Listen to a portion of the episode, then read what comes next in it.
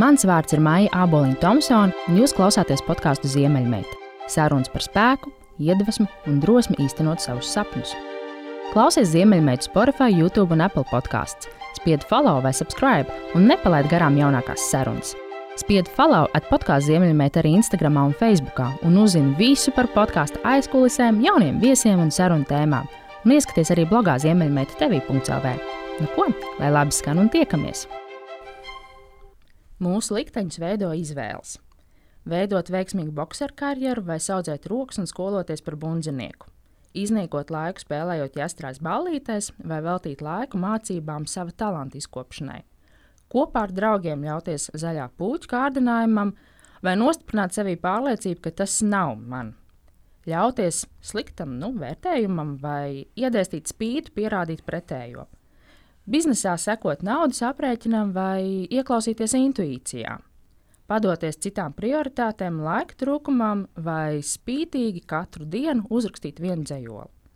Viņš ir veicis savas ikdienas izvēles, kas šodien ir akumulējušās nu, ievērības cienīgos sasniegumos, un viņš ir viens no aktīvākajiem, produktīvākajiem cilvēkiem Latvijā. Veiksmīgs bizness, ļoti aktīva radošā darbība, radīts neskaitāms latviešu mūzikas zelta fonda dziesmas, kas veido mūsu latvisko identitāti. Izpārdoti koncerti, dalība vairākās leģendārās mūzikas grupās, kā piemēram Liepais brāļi, Jauns Mēnesis, Saldās sejas un bet, bet. Un viņam ir teiksim, nu, trīs personības šķautnes - spoža biznesa prāts, izcils stāstnieka talants un neatkārtojama muzikalitāte. Un tā, dāmas un kungi, uzņēmējs, latviešu mūzikas izdevējs, producents, dziesmu autors, izdevniecība mikraka īpašnieks, vairāku mūzikas ierakstu gada balvu un autortiesību bezgalības balvu ieguvējs, astoņu grāmatu autors, vairāk ar mūzikas darbību saistītu biedrību dibinātājs, arī finanšu ministra Jāņa Rēra padomnieks, dzēnieks un mūziķis Gunārs Račs. Labdien, Gunār! Labdien! Jūs esat um, ļoti produktīvs, aktīvs cilvēks, uh, kurš visu laiku saskata jaunas idejas, jaunas projekts, jaunas iespējas. Jūs esat mīt enerģija un mutuļo, un jūs vienmēr esat darbībā. Mūsdienās ļoti daudz cilvēku savukārt iet pie gudriem psihologiem, psihoterapeitiem, coachiem, uh, meklēt atbalstu. Nu, kā tad man dzīvē iet uz priekšu un kustēties un saskatīt tās iespējas un rast sevī to enerģiju? Kas būtu jūsu pieredzes uh, noslēpums un ko jūs ieteiktu tiem cilvēkiem? Kā tad uh, turēt sevi tonusā? Jā, nu, Nu, droši vien, ka es tā uzreiz vienkārši nevarēšu atbildēt. Uh, katram ir savs ceļš ejams un katram ir savas izvēles. Uh, bet pēdējā laikā es diezgan bieži lietoju savu kolēģi Maestro Raimonu Paulu izteikumu, kur viņš tā ļoti vienkārši noformulēja to, ko es faktiski ilg, ilgstoši biju domājis. Tiešām ļoti vienkārši. Viņš teica, ja tu kaut ko gribi. Uh, izdarīt, tad kaut kas ir arī jādara. Nu, protams, bezgalīgi vienkārši. Kurš gan to nezina, ja, bet, um, bet tā tas arī ir. Vienkārši tās lietas pašas no sevis nenotiek. Ja tu kaut ko gribi sasniegt, tas viss prasa pūles, tas viss prasa laiku. Uh, es nevaru palielīties, ka es ļoti prastu savu laiku, kā lai saka, uh, reglamentēt un, un ielikt tādos rāmjos un, un, un sastādīt kalendāru, kad es darīšu to un to un to. Tas viss notiek diezgan intuitīvi un, un, un, un, un paļaujoties uz tādiem izaicinājumiem, kas gan īsti katru dienu kaut kur notiek. Ja, un, un tad ir jautājums, vai to darīt vai nedarīt. Es vairāk esmu tas, kurš piekrīt, dara un tad pārliecinās, ka tas varbūt bija nevajadzīgi. Kā beigās izrādās, ka tas arī ir vajadzīgs. Kā arī tavs piedāvājums um, viesoties uz šo, uz šo sarunu, man nemirkli nešķiet, uh, ka tur kaut kas būtu jādomā. Es piekrītu, pat varbūt uh, piedod, nedzirdot arī kaut kādas iepriekšējās. Jā, var jau iekrist arī, zin kā. Var reizē, bet paldies, ka piekritāt. jā, atnāc un tad tev beigās, jā, nu labi. Šis nav tas gadījums, es jau to redzu. Mm. nu, jā, nu tā, tā es arī kuļos par to dzīvi, pieņemot visus izaicinājumus. Un, un, uh, praktiski gan īsti nevienu neesmu beig beigās nožēlojis. Katrs ir nesis un devis kaut kādu pienesumu, kaut kādu gudrību, kaut kādu mācību. Nu, tā tas arī notiek. Jā. Bet vai jums ir kaut kāda tāda iekšējais orientieris, jo es ticu, ka to piedāvājumu, to iespēju, kas jūs ikdienā uzrunā, ir ārkārtīgi daudz, un, un, un kaut kā jau jūs tomēr pēc kaut kādiem kritērijiem kā, nu, vadaties pēc jūsu prioritātēm vai pēc kaut kādas tādas iekšējas sajūtas, tā mērķa, vērtībām. Jā, nu, pieteikumā jau faktiski arī tu minējies. Drīkst uz to man kaut kā šķiet loģiskāk. Uh, ka, ka, jā, savā ziņā ir vēlme uh, kaut ko visu laiku apliecināt, ja, kaut ko pierādīt, jo ir kaut kāda arī bērnības, jaunības trauma, kad, um, nu, kad mēs dzīvojam tādā ģimenē, savā ziņā nepilnīgi, jo nu, tēvs nebija ar mums.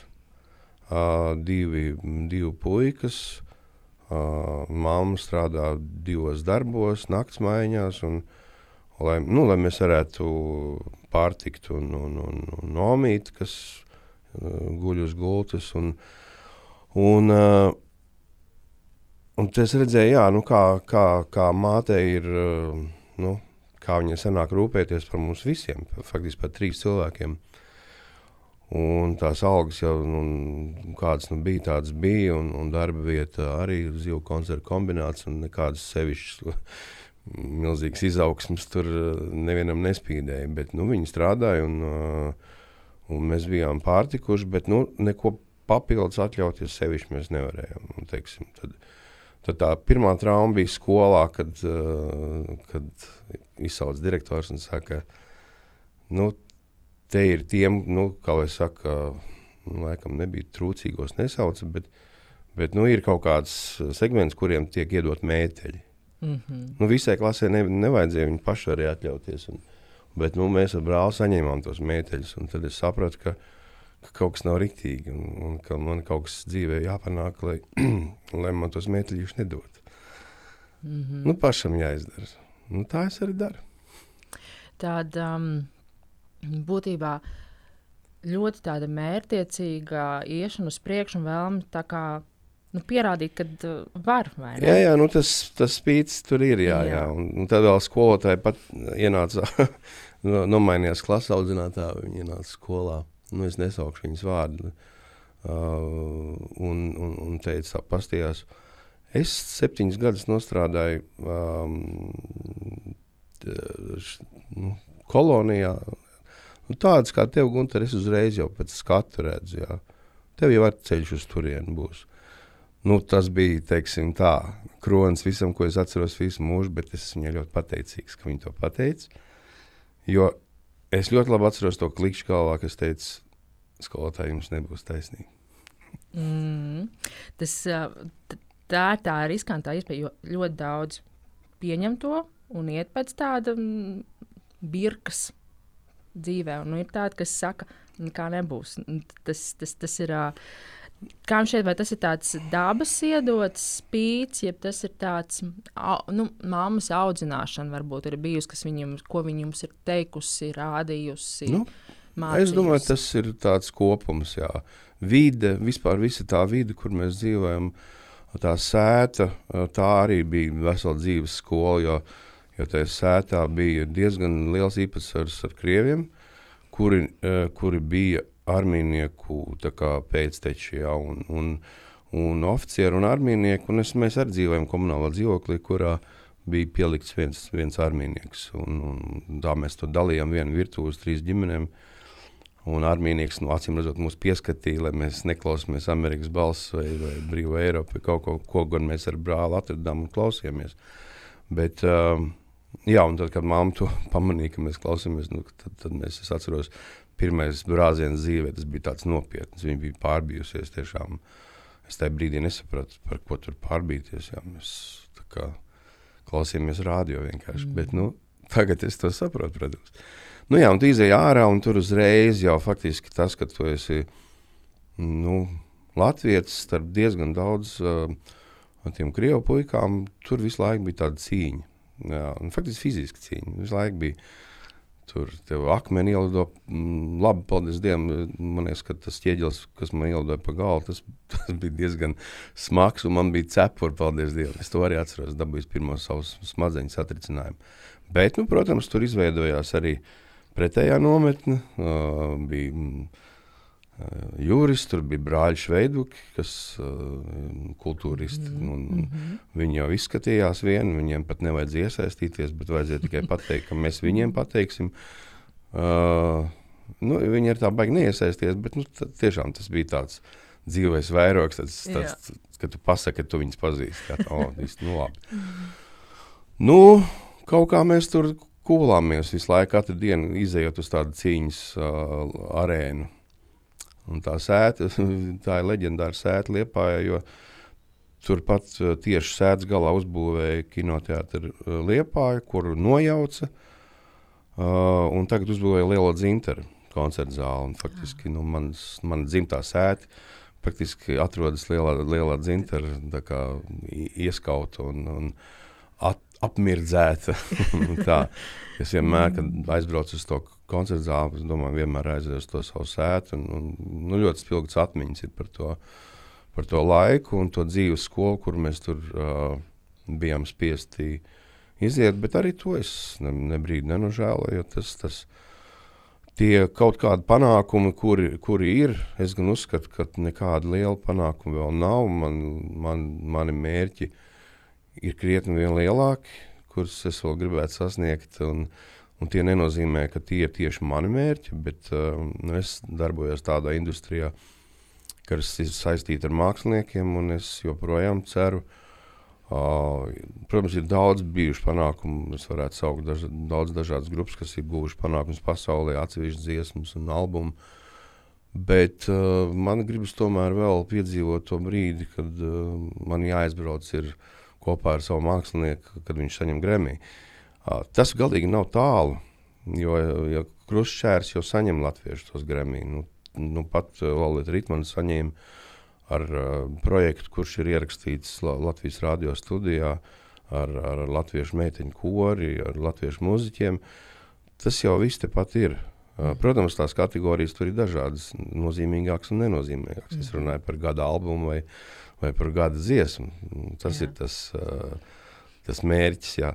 Arī tas droši vien, nu, es pazīstu daudz cilvēku, kas to ir saņēmuši, un, un man ir bijis daudz tikšanās, un viņi no tā vispār neko neizstājas. Es jau tagad arī saprotu, ka tad, brīdī, kad tas tā notiks, es jau pēc nedēļas domāšu, nu, Ko jā, forši, bet nekas jau, nekas jau tāds tas nav, jo nu, tas jau kā, ko, ko katrs pats no tā, nu, kas saka, iztaisa. Esmu bijis arī strādājis studijās uh, Anglijā, un, un, kur uh, pēc tam tikai pēc tā darba tas, uh, viņš saka, jā, man ir astoņi grēmija albumi. Nu, ok, paldies. Mums patīk ar tevi strādāt. Jā, nu, Tas, tas novērtējums, bet tāpat laikā es esmu no tiem, jā, kam vajag kaut kādu novērtējumu. Un, protams, ļoti gribas atzinīgi. Mm -hmm. Un vienmēr viņš ir par maz. Un, un, un, un tāpēc, uh, acīm redzot, ir tā raušanās uz visām pusēm. Jo laika pa laikam izdodas gūt tos panākumus pilnīgi pretējās, dažādās, pilnīgi neiedomājamās uh, nu, sfērās un, un jomās, par kurām es nekad mūžā nebūtu iedomājies, ka es tur vispār kaut ko darīšu. Jā. Nu, līdzīgi kā tu pieminēji to boksu, nu, tad, kad es mācījos skolā, man nenāca neprātā par boksu. Bet tad mans draugs Andris Reinfelds, kurš bija klases zemāk, viņš teica, nu, man apbižo. Tas man dara pāri, jā. jā. Šik nāca palīgā, jā. Un, un, un tad, es, tad, kad es jau biju divus, trīs mēnešus trenējies, es gāju palīgā ar tādu lielāku drosmi. Jā. Lai gan mm. treneris uh, Šokolēs pateica konkrēti pirmajā treniņā, Ja jūs esat atnākuši iemācīties kauties, ejiet projām. Nu, Nu jā, boks nav kautiņš. Mm, Nu, tas boks tā. ir par pārliecību, droši vien, ka tu vari sevi aizstāvēt. Tieši tā, jā. gadījumā Tieši, tieši tā sajūta, ka jau vajadzēs, ka tu vari. jā. Un tad tu esi mierīgāk konflikta situācijā, droši Nu, vien. jā, bet tad bija izvēle, ka mm, iestājos mūzikas skolā, un tad uh, mūzikas skolotājs teica, nu, piedod, bet tev ir jāizvēlas. Ja tu, ja tu domā klapēt uh, nu, savus pirkstus uh, pret uh, nu, Ķermeni. kādu, jā, pret kādu degunu, tad tu nevarēsi paspēlēt, un tev nebūs uh, veiklības. Tad, uh, jā, tad, tad pārsliedzās no sporta dzīves. Burtiski nedēļas laikā es pārsliedzos uz jāsaka, sava veida uzreiz bija bohēmā iekšā. Tāpēc, ka Liepājas mūzikas skola tajā laikā, kad tur mācījās Vilnis Krieviņš, Igo, Ainars Virga, nocikot visi topošie un esošie līvi un, un, un, un kredo un tam līdzīgi. Nu, jau pirmajā nedēļā man bija jābrauc spēlēt kāzas, lai gan es uz lāgu nemācīju spēlēt bunkus, jā, bet cik es biju Tā kā es biju sitamo instrumentu klasē, tad man skaitījās, ka man jāmāk. jāmāk ir, jā, bet Nu, nu, jā. es, es, es jau iestājos bez iepriekšējas sagatavotības. Tas arī bija mammai liels pārsteigums.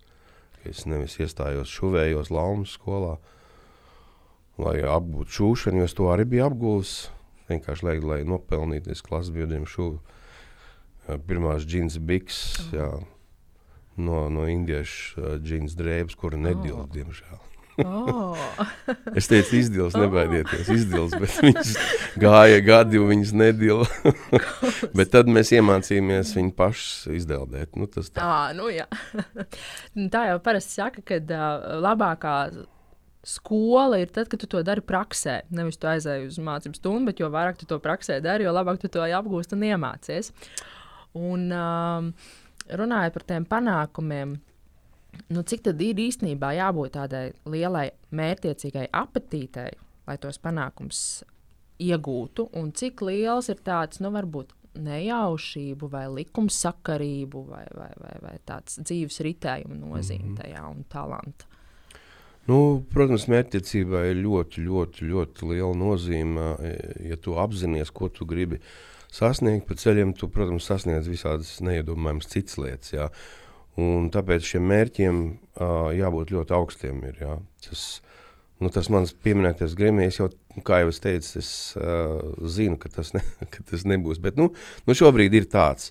Un ejot uz to mērķi, protams, es varu atskatīties un saprast tas likumsakarības, kāpēc es esmu darījis to, kāpēc teiksim, mūsu kompānija ir ieguldījusi naudu tajā vai, vai citā māksliniekā. Visu laiku ir bijis tā sajūta, ka, uh, ka ir tas virsuzdevums, ka kādam latviešu māksliniekam, populārās mūzikas latviešu māksliniekam, ir jābūt pazīstamam pasaulē, pieprasītam un, un tā tālāk. Un, bet, lai šos mērķus sasniegtu, ir vajadzīgi līdzekļi, protams. Uh, tur nevar iztikt bez kompromisiem attiecībā uz repertuāru. Tāpēc mūsu kompānija ir multirepertuāra kompānija. Mikrofona vienmēr ir bijusi, bet tā ir faktiski vienīgā kompānija, kas 30 gadu laikā ir spējusi izdzīvot.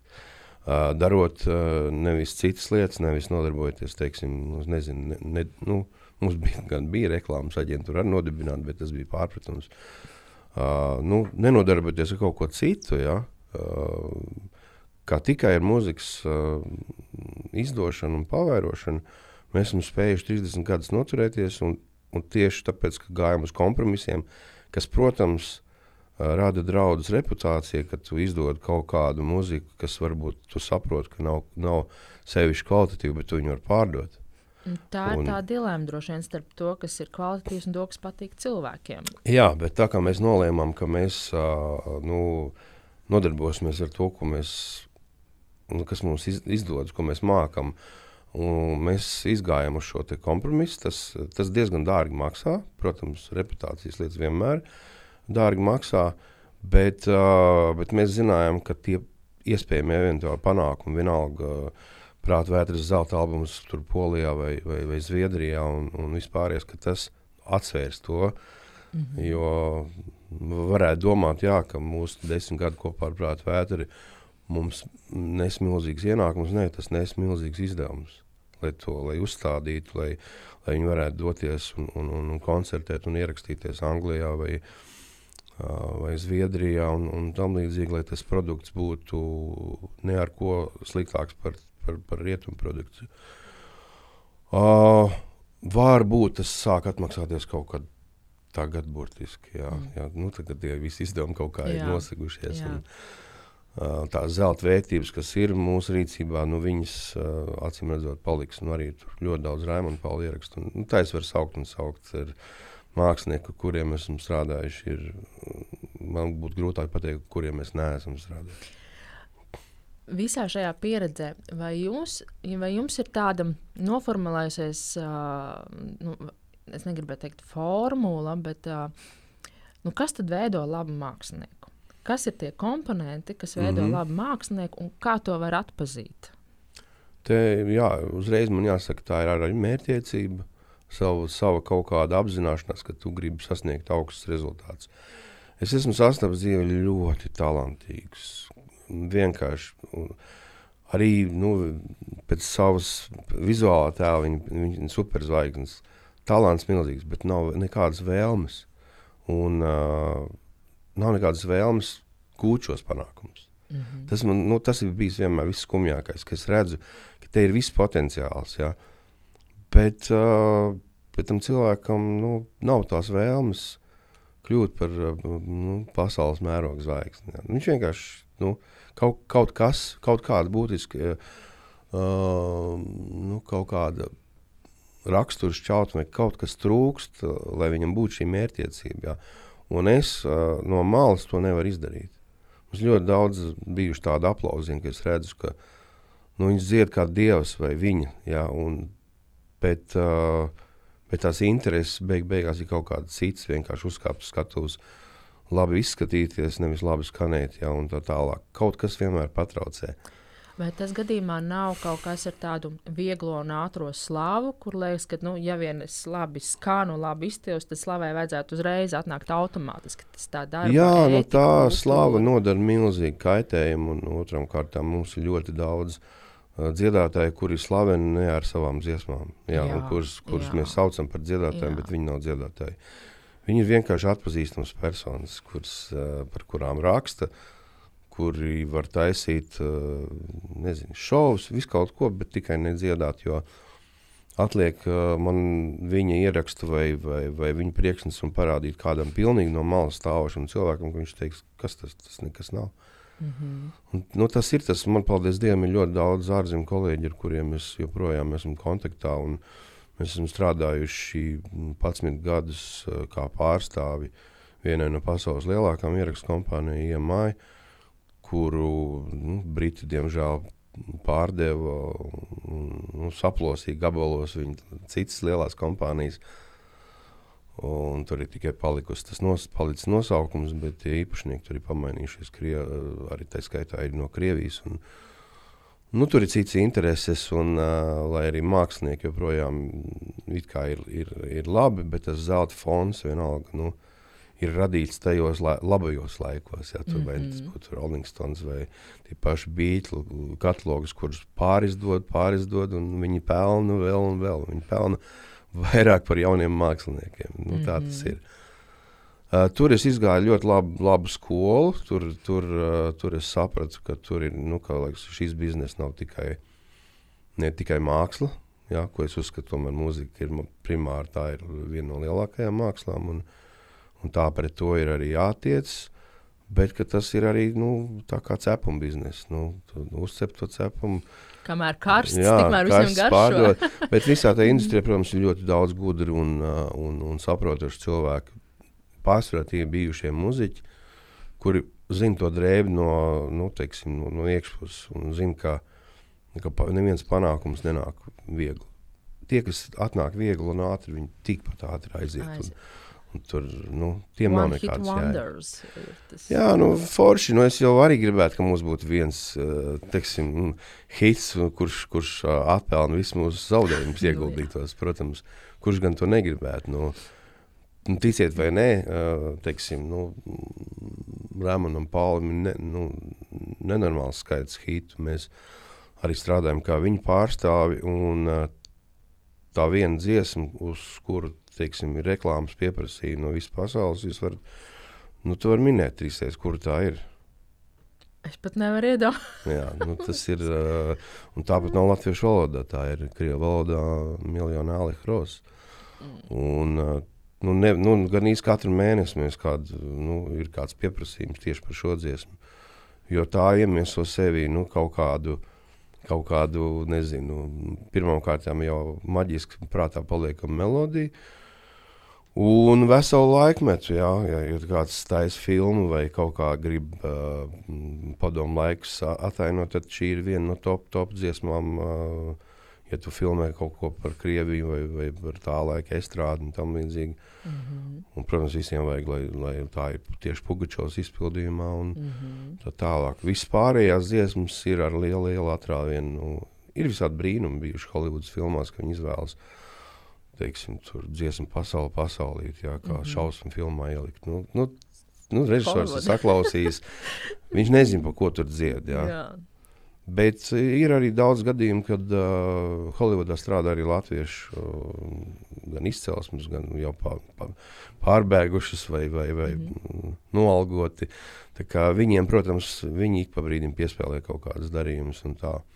Tā kā esam, esam, arī, esam arī Holivudā. Man, protams, gribas, uh, nu, lai mēs trāpām kādās lielās filmās. Jā, nu, mm. Nezinu, uh, teiksim, Titaniks 2. Mm. nu, tā gan nebūs liela filma, jo man liekas, ka Otrais jau viņš nevar nokļūt. jā, Titaniks 2 jau būs izgāšanās, bet uh, jau, jau, jau, bet, nu, vienalga, nu, mm. zirnekļi cilvēks. Vienkārši eh, tāpēc, ka nu, es zinu tos budžetus. Un, nu, mums jā, nesen nojuka viens, viens, viens darījums, kas bija ar, ar, ar, ar, ar plānots vienā lielā animācijas filmā. Beigās viņi atteicās un pārlika uz tikai uz, uz pievienotiem kadriem DVD versijā, un tas, tas, tas neskaitās. Mana profesionālā mīlestība ir ilgspēja, biznesa un attīstība. Es palīdzu uzņēmumiem noorientēties ilgspējas jautājumos un izstrādāt ilgspējas stratēģiju, kas iet roku rokā ar biznesa mērķiem, Eiropas Savienības likumdošanu, pasaules tendencēm un arī inovācijām. Ja tas tev šobrīd ir aktuāli, raksti man maija.aboliņa.tomsona.gmail.com. Starp citu, uh, skatoties un lasot arī grāmatas par, par mūziku, mūzikas vēsturi, nu, kā tad agrāk bija, kad uh, senāk puiši uh, uzraksta uh, meldiņu, pieraksta vārdus un ir hits. Mūsdienās tur strādā 10, 20 cilvēki, tu paskaties apakšā tam vienā, vienai dziesmai, cik daudz cilvēkiem mm. pie vārdiem nestrādā. Uh, kas ir tā nākotne, tad uz ko iet? Jo, jo šķiet, ka tā mūzikas radīšana kļūst sarežģītāka, dārgāka dēļ iesaistītā arī personāla. Vai, kāpēc vairāk nav tāda tā vienkāršība pazudusi? Nu, jā, nu viss ir izmainījies. Tehnoloģijas maina visu. Nu, mēs jau redzam, kas notiek ar sakariem, ar, oh, ar mobiliem tālruņiem. Un, un tam līdzīgi tas ir pilnīgs kosmos. Ja man patīk filma apakaļ uz 90 pirmo gadu, vai, vai pat nezinu, 87. man šķiet, šis ir neiedomājami. Arī šis, šis podkāsts ir kaut kas neiedomājams. Jā, ka, to var klausīties visā pasaulē, mm -hmm. kam vien tas interesē. Un, un, un tu, Tur var runāt par ko tu gribi.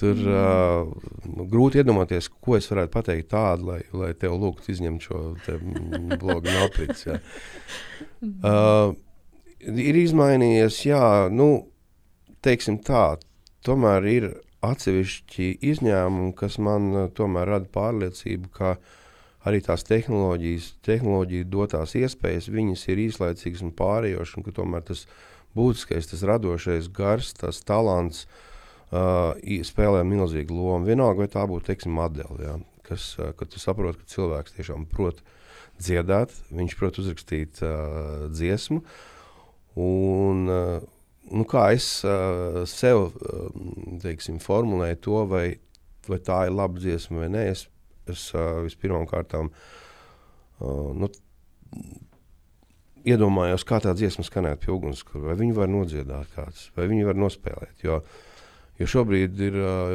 jaunie producenti, protams, pamatā izvēlas nu, gan jau kaut kur gatavus beidus. Ja? Mm -hmm. Un tad uh, un tad domā, ka tā ir dziesma. Nu, nē, tā nav dziesma.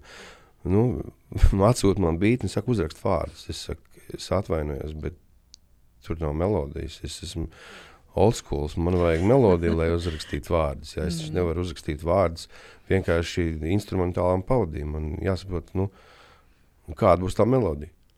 À, nu, tad es, es varbūt, nu, tu varbūt dziedātājs to var izdomāt. Nu, Joham Basā, nu, kas tas ir? Nu, nu, kā, ko dziedātājs? Dziedātājs dzied uh, nu, to, ko viņam kāds ir uzrakstījis. Nu, jā. Nu, man šī, protams, es visu saprotu, un es zinu, kā tas notiek, un, un, un, un, un to taisa un producē. Un, un bieži vien uh, ļoti mākslīgā veidā tas, tas no, dažreiz paveicās patiešām, un es noticu, ka tas varbūt ir, nu, ka tas ir tās atcerēts. Ja? Mm -hmm. nu, bet tas pārsvarā ir no klucīšiem salikts, nu, no, no, no sampliem un tam līdzīgi. Nu, tā, tā šobrīd strādā. Bet, uh, Bet tie, kas gūs liels panākums, nu, tie, tās dziesmas var arī nospēlēt uh, uz klavieru, nu, teiksim, spēlējot klavieru pavadījumā. Tu viņus var izrakstīt notīs, ne tikai uh, izkliedzienos un bītos un tā tālāk. Man nav nekas pret uh, to, kā strādā mūsdienu hip hop un tam līdzīgi. Tas, galīgi nav mans. Es to nemāku, neprotu un nekad nemēģināšu. Bet es ar, ar, ar, ar tos labākos ar patiku klausos, tāpēc ka tur ir ļoti oriģināls, tīri tekstuāls idejas un, un, un tā brīvība. Un, un tas ritmiskais ir foršs un, un tā līdzīgi. Bet nu, es to es saprotu, ka tas ir žanrs, kuru mēs arī kā izdevēji nepratīsim nekad uh, izdot. Un, lai pat gribētu, ja, uh, tas viss notiek tur bija savādāk. Jā. Bet tur ir, uh, nu, tas ir jaunais rokenrols, kurš, kuru tad, kad mēs sākām, arī nevarēja nekādīgi pieradināt. Un, uh, nu, labi, tie bija padomu laiki, kad uh, bija jāiet dziesmas apstiprināt un, un, un nest. Uh, lai tu viņu vispār varētu izpildīt, mm -hmm. un ko mēs darījām. Mēs, mēs teicām, tā nav mūsu dziesma. Iedomājieties, kaut ko tik absurdu teikt. Padomu, nu, ka, uh, Mēs ar Virgu uzrakstām dziesmu, sakām, to uzrakstīja Dārvids Tuhmānovs, jā, kurš ir komponijas savienības PSRS, tur viens no vadošajiem. Tātad mēs tikai esam iztulkojuši viņu. Ak, tā, jā, Tuhmānovs tā raksta, jā. Nu, nu, tad jau dara, tad jau nu, var. jā, un nu, acīm redzot, viņiem nebija iespēja pārbaudīt, un tā mēs tās skatas izgājām, biežot piedē, piedēvējot tās dziesmas. Tiem, tiem komponistiem, kas bija komponijas savienībā, nu, cerams, viņi neuzzināja to, bet var, nu, nu Es ticu arī, ka tajās žūrijās galīgi muļķi arī nesēdēja. Viņi, viņi saprata un skatījās mm. vienkārši caur, caur puķiem uz to, jo viņi mm. saprata, ka jāļauj tiem džekiem taču ir spēlēt. Nu, mm. Jā, nu, padomu laiku muļķības te varētu stāstīt vēl desmit raidījumus, jā, vienkārši, bet es no tiem laikiem neko labu nevaru nevienam pateikt. Tas, tas, bija, tas bija savu veidu cietums, no kur mēs tā vai savādāk kaut kā ik pa brīdim izsprukām ar, ar, ar kaut kādiem izgājieniem, ar, ar kaut kādām dziesmām. Tā Bet tāpat laikā tās dziesmas, kas radās tajā laikā, mūsdienās tādas vairs nav. Jā, es pateikšu, kāpēc tas tā notiek. Tāpēc, ka ir divas dziesmu rakstīšanas formas. Viena ir, kad tu par pamatu ņem uh, dzēju. Uh, un, un, un tajā laikā izvēlējās diezgan labi to dzēju. Lai gan arī, protams, uh, tur viss lietas bija noslēptas zem, zemtekstos mm -hmm. un tā tālāk. Bet tie cilvēki atšifrēja tos zemtekstus. Mm -hmm. ja, un mhm. bieži vien piedēvēja zemtekstus varbūt kaut kam tam, kam nemaz kur nemaz, nebija. Kur ne? nemaz nebija jā, varbūt tur. Uh, manai dzimtenei, pieņemsim, varbūt tomēr bija domāta lielā dzimtene. Jā. Mm -hmm. Bet, mm -hmm. bet, bet ne, latvieši klausījās un saprata, ka tā ir, ne, tā ir par mūsu jā. mazo Latviju un tā tālāk.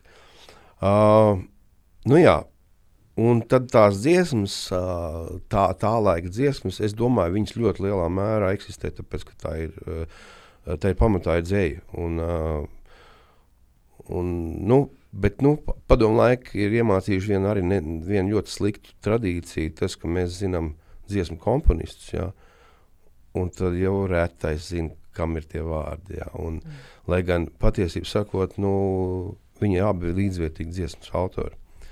Un tas ir arī viens no maniem mērķiem, kur es gribu pieradināt. Es zinu, ka tas varbūt izklausās tā baigi subjektīvi, ka es gribu, lai mani piemin, ja, ka es esmu tik daudz dziesmu sarakstījis. Un kā tā, nu, saka, tas ir Raimons Pauls, tie līvi vai vienalga, bet mani nepiemin, ja. Vienkārši, nu, rietumu pasaulē tas ir normāli, ka vienkārši ir dziesmu autori. Nav mm komponists, un, un, un teiksim, teksta autors. Tas vispār ir debils nosaukums. Kas tas pat? Tas nav teksts, ko esmu uzrakstījis. Teksts ir, nu, varbūt avīzē, jau jūs varat izlasīt tekstu. Jā, nu, man tas arī ir dzējols. mm. un, un tas ir, viņš pat nav atraujams no tās dziesmas. Viņi ir kopā. Mm. Viņi, viņi savādāk nekad nebūtu. Viņi, viņi ir radīti kopā. Uh, un, un šis kopā, kopā radīšanas, tas ir, nu, tas ir tas rietumu standarts, kā raksta dziesmas. Viņi raksta kopā, un bieži vien tur ir tiešām arī 4, 5, 6, 7 cilvēki. Ja? Uh, mums ir nu, vēl joprojām vecā skola, komponists. Es vakar arī biju, biju meitas skolas koncertā, un, un uh, nu, pieteicējs piesaka, nu, tur uh, Erika Ešenvalda dziesmu. Nu, es zinu, ka Eriks neraksta vārdus. Nu, tā tad uh, ir, ir nu, pazudis jā, viens. jā, viens ir pazudis. uh, nu, bet tā ir, tas, tas tik ātri neiznīks. Tas, tā, tas ir pieņemts, jā, un, un es, nu, mans pienākums ir teikt, ka komponists nav nekas augstāks par dzēnieku. Viņi ir pilnīgi līdzvērtīgi. Nu, jā.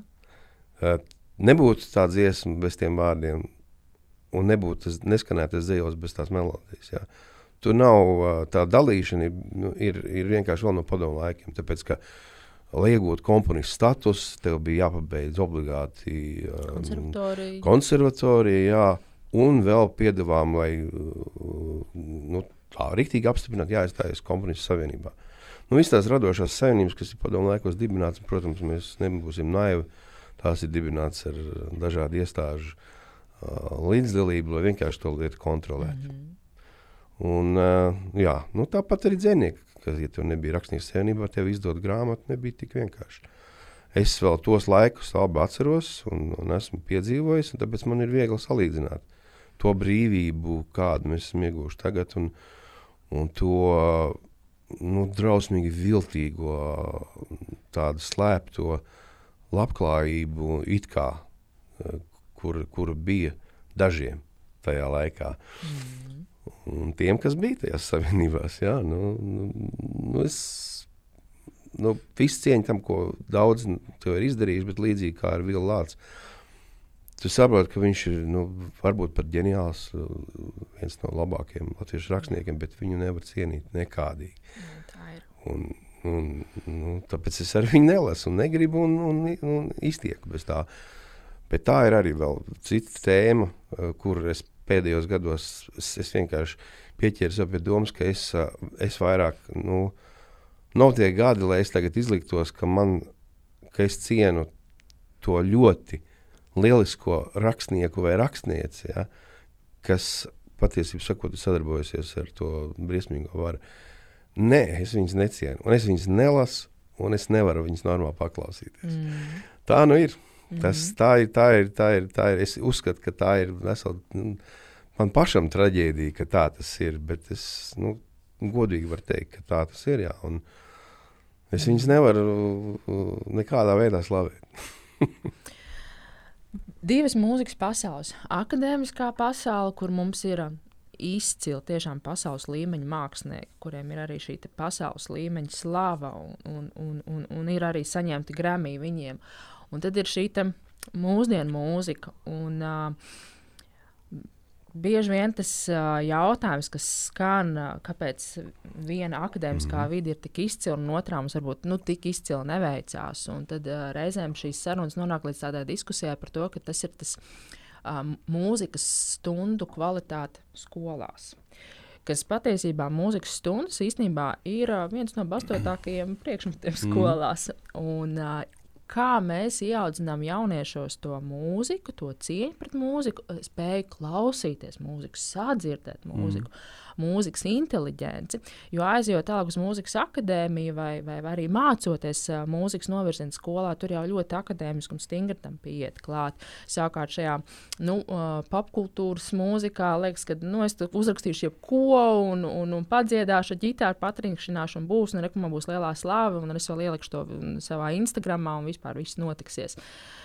Kā, varbūt, cik da, kā jūs prāt, cik lielu lomu spēlē skola un šī nu, sākotnējā izglītība mūzikā, un, un, un, un vai caur to mēs mm. varam audzināt uh, inteliģentāku jauno mūziķu paudzi?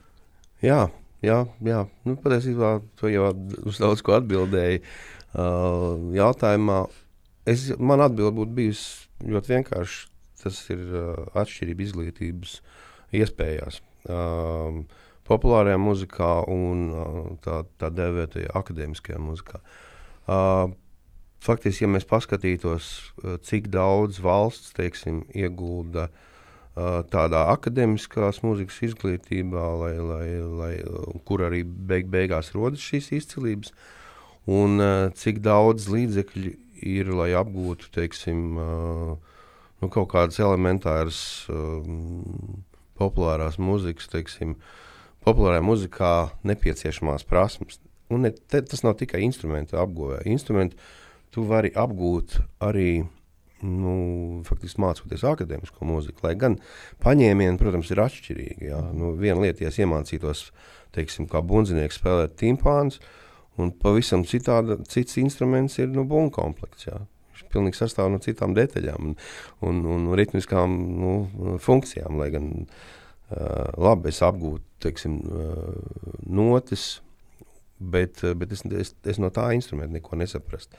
Būdams timpānis, bet ar timpāni es varu, var, diemžēl, ieskrieties populārajā muzikā. Es varbūt vienreiz nu, man uz koncertu kāds uzaicinās, kādu, uz kādu lielu koncertu, kur es beigās tu, tu, tu, nospēlēšu.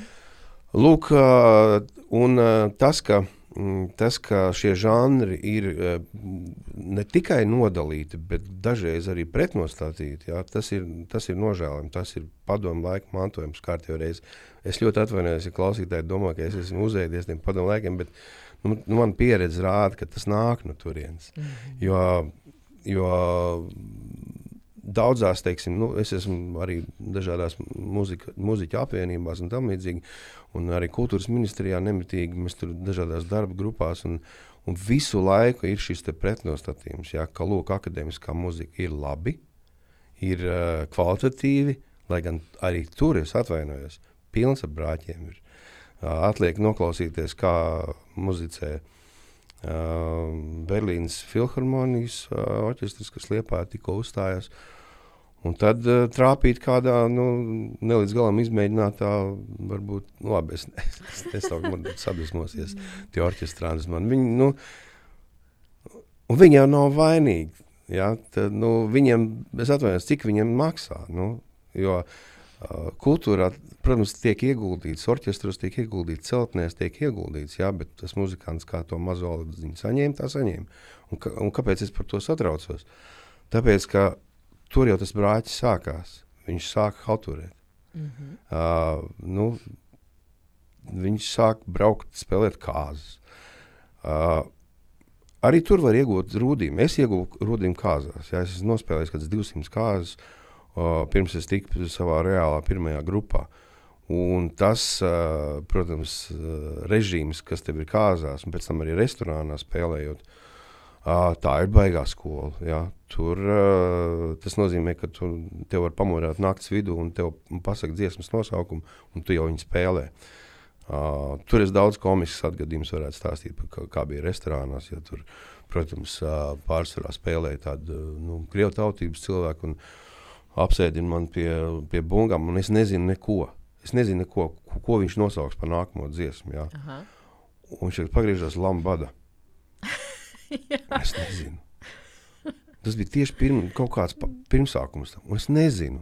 Es vienkārši saku, nu, parādi man kaut ko. Viņš jau beidz, tu dejotāji nāks ārā. Un dejotāji tā lēnām nāk ārā, un es nezinu, ko spēlēt. Ja? Viņš nu, vismaz to ritmu man padeva. Kaut kā, es kaut ko tur spēlēju, un es redzu, tie dejotāji tā skatās, skatās uz maniem, jā, un, un pēc tās, nu, pēc tās skaņdarba, ko es tur kaut kā izmocīju, nu, tad es aizmugurē dzirdēju, nu, ko, ko viņi domā par mani, jā, un, un tam līdzīgi. Bet es tagad māku lambādu, jebkurā dienas laikā nospēlēt, tā, tāpat kā dažas padomu laika dziesmas. Uh, nu, tā ir tas, ir, ko es aizgāju prom, protams, no temata, piedod, bet uh, tā ir izglītība. Protams, ka tā ir izglītība. Uh, diemžēl uh, nu, ne, nevienmēr pietiks uh, tikai ar privāto saka, līdzekļiem, kaut kādām estrādes studijām un tam līdzīgi, jo tas arī ir diezgan virspusēji. Uh, Otram kārtām, kā ir, ir nu, populārā mūzikā strādājot, ir nepieciešams ne tikai tavas profesionālās prasmes, tieši, tieši kā muzeķim, bet tev jāzina arī savas tiesības. Uh, sav, savas tiesības, tev ir jāorientējas žanros, uh, tev jālasa moderna literatūra, jāklausās uh, mūsdienu mūzika, jāmācās, jāpārņem labākais un, uh, un, un tas, ko es vienmēr esmu teicis, tev ir jācenšas būt oriģinālam. Uh, mums ir ļoti daudz atdarinātāju grupu. Mums ir daudz atdarinātāju, izpildītāju. Atliek paskatīties Eirovīziju visu pēdējos gadus. Oriģināli lieta, varbūt vienu vai divus šajos 20 gados es esmu redzējis. Pārējais ir, ir kaut kur redzēts, uh, mēģinājums atdarināt labi, varbūt pat ne, nesaku, ka slikti, Bet tas ir adar, adarinājums, un šīs oriģinālitātes trūkums, viņš, tā oriģinālitāte, viņa ir jākultivē. Jā. Viņi ir nu, bezmaz jāuzspiež kā obligāti, jā, kaut kādā mērā. Un uh, jāatver beidzot nu, kaut kā uh, arī tas skola apmācības un viss. Viņam jābūt daudz kreatīvākam, daudz brīvākam. Nevis tikai lasot uh, nošu materiālu vai, vai mācoties solfeģo, kas dzīvē noder, protams. Jā. Populārā mūzikā mazliet mazāk tas noder. Es vienkārši pēc pieredzes to zinu. Tieši šī oriģinālās lietas, šī spēja dzirdēt tendences, klausīties, tas ir tas, ko vajag attīstīt, mācīt, uh, ja cilvēks nolēma strādāt populārajā mūzikā. Un šīs izcilības nekur nezudīs. Viņas būs. Uh, Viņam ir jādod uh, iespēja ļoti nopietni jāstrādā pie pasniedzējiem, tāpēc ka šādu pasniedzēju es zinu tikai dažus, kas kaut kur nu, strādā vienalga. Teiksim, tur Aivars Hermans ir, ir, ir, ir, ir brīvais pasniedzējs, tad Kaspars Zemīts un tā. Bet pārējo nu, populāri muzikai pasniedz akadēmiskās pas, nu, pasniedzēji. Nu, opera dziedāšana no no populāras mūzikas ļoti atšķiras. Nu, jā. Tehniski nu, viņi, tas ir pilnīgi savādāk. Un, un nevelti mūsos pat bieži ir pārliecība, ka, ja tu aizies uz akadēmisko mūziku, tev sabojās, to nebūs vairs, tu roku vairs nepadziedās. Un tā arī notiek. Un, un, un otrādi. arī mm. maz, maz no populārās mūzikas ir pēc tam spējīgi pāriet. Lai gan ir, ir, ir, ir gadījumi, nu, mūsu kultūras, kultūras ministrs ir, ir tam spilgts apliecinājums, ka tomēr nu, var arī tā. Mm. Tā kā um, izglītība. Vienkārši atbild. Izglītības ir par maz šajā jomā, un zināšana ir par maz. Vienkārši tīri zināšana, sapratnes, kā tas darbojas. Jo populārā mūzikā uh, tur ir arī biznesa elementi. Tur ir arī ekonomika. Tur ir uh, uh, populārā mūzikai sevi ir jāatpelnā. Mm -hmm. Viņi nevar uh, dzīvot uz dotācijām. Viņi ir jāatpelnā un tev jākļūst tik pazīstamam, pieprasītam, lai tu vari nopelnīt un nomaksāt valstī nodokļus, par kuriem tiek audzināti akadēmiskās mūzikas izpildītāji. Starp citu, tā kā jūs sākāt biznesu 90. gadi, kas biznesa vidē ir nu, rītīgi rokenrola laiki. Ir. Jā, jums ir mūziķa izglītība iet iekšā biznesā. Lai gan saka, cilvēki, kas zina notis, lieliski orientējās ciparos un ekonomikā, jo mūzikas pasaule tas pats viens cipars un, mm. un, un, un viss ir. Kā, kā jums tas bija un, un, un kur jūs guvāt to? Vēlmi un impulsu un mācīties nu, par biznesu. Nu, tas ir pilnīgi, pilnīgi jauni loma. Jā. Nu, man jāsaka, līdz zināmam brīdim man vienmēr ir bijuši uh, blakus cilvēki, kas daudz labāk orientējas man tieši tajos ciparos. Es esmu izdarījis uh, intuīcijas vadīts, uh, parakstīt līgumu ar mākslinieku, kas nekad, vēl tagad, nerēķinu, cik man viņā būs jāiegulda un kad man tas atmaksāsies. Mm, vienkārši es to nedaru. Es uh, jūtu, vai viņš gūs panākumus vai nē. Mm -hmm. uh, ja būs panākumi, droši vien būs arī kaut kāda līdzekļa gan viņam, gan, gan mums. Uh, visus šos 30 gadus, kas ir mūzikas biznesā pavadīts, es tieši tā arī strādāju. Uh, mani dabūt pie Excel tabulas nemaz nav tik vienkārši. Es, to, es izvairos no tā. Jā, neskatoties uz to, uz savu šī brīža amatu, kā finanšu ministra padomnieks, es domāju, ka es esmu tur ne tāpēc, ka es mācītu rēķināt labāk, kā visa tā nu, teiksim, tiešām ierēģiņu armija, kura nu, prot mm -hmm. rēķināt un kur to arī dara. Un, un paldies Dievam, ka viņi to dara. Tad, tāpēc, jāzina, ka, ko viņiem paprasīt. Jā, man ir jāzina, ko viņiem pajautāt. Un, uh, jāsaprot, vai es viņam varu uzticēties, un vai viņi saprat, sapratuši vispār jomu, par ko, par ko es runāju. Un, uh, un otram kārtām, lai padarītu mazliet viņu varbūt savā ziņā cilvēciskāku to. to To seju, jo es runāju ar daudzām nevalstiskām organizācijām un, un, un ar cilvēkiem, kuriem finanšu ministrija asociējas ar atņemt. Mm -hmm. Nedot. Mm, nu, jā. tāda soda institūcija. Soda institūcija, jā. Bet uh, nu, es devos tur iekšā, protams, lai nu, uzzinātu, kas lācītam vēderām, saprast, kā tas mehānisms strādā. Un, uh, tas pirmais iespējas ir, ka tev katru dienu no visām pusēm, no visām ministrijām, no organizācijām visu laiku tiek nāk pieprasījumi. Un, ja tos visus apmierinātu, ja mūsu budžeta deficīts būtu vienkārši 100%, varbūt 200%. Tā, to prasību, un lūk, šeit tā spēja izvērtēt, kas ir uh, valstī noderīgs, uh, ka, kam ir atdeve, vai arī kurš ir ne, vienkārši neatliekams, tāpēc ka tas ir vitāli dzīvē svarīgs.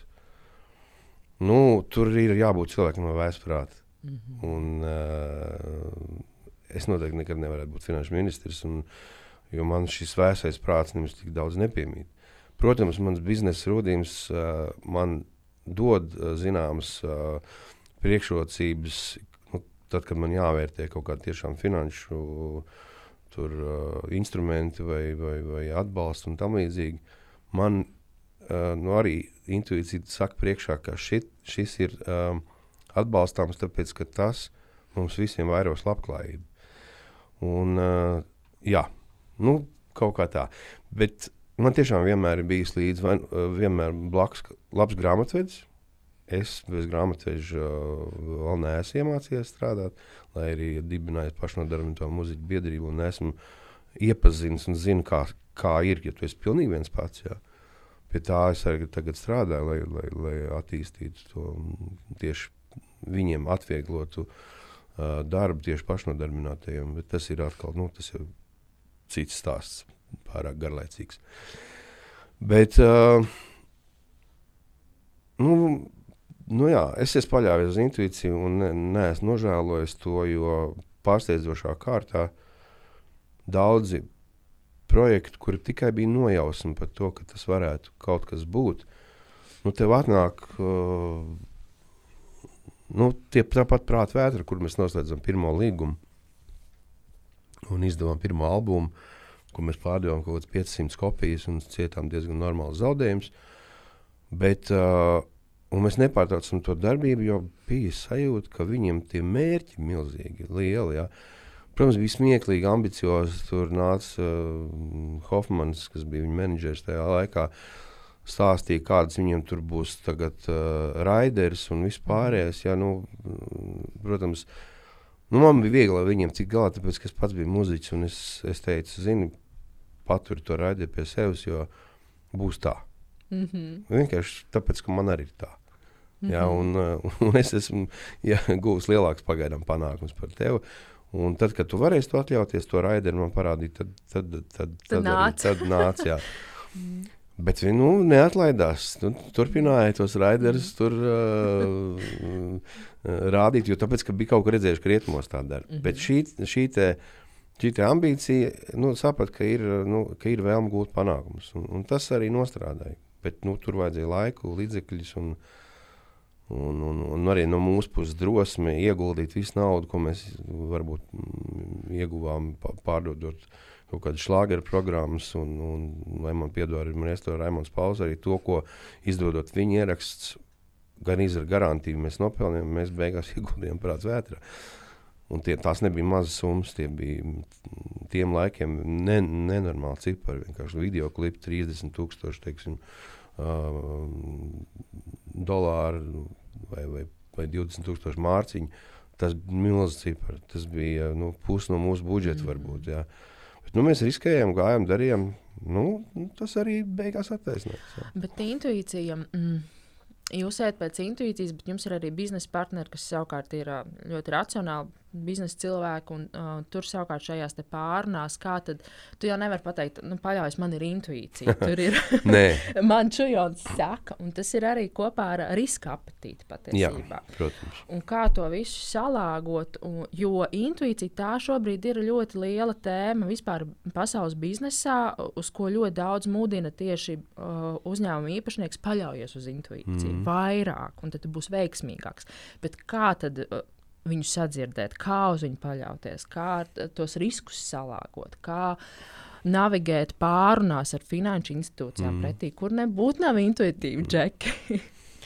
Nav, jā, es arī strādāju arī automā šobrīd. Nu, ne, ne tieši automā, nu, līguma darbs, teiksim, un man tur ir jāizvērtē šīs Excel tabulas un, un, un, un tam līdzīgi. Tur es, tur es uh, esmu spiests ņemt kalkulātoru, bet nu, laimīgā kārtā uh, man tie eksperta pienākumi ir tādi, ka man jānovērtē, vai tas atbilst šī brīža tirgus situācijai. Nu, es mm -hmm. nevaru par, par katru projektu stāstīt. Mm -hmm. Tas vienkārši nu, nedrīkst to darīt. Bet, bet, uh, tur, tur man gluži vienkārši mana pieredze.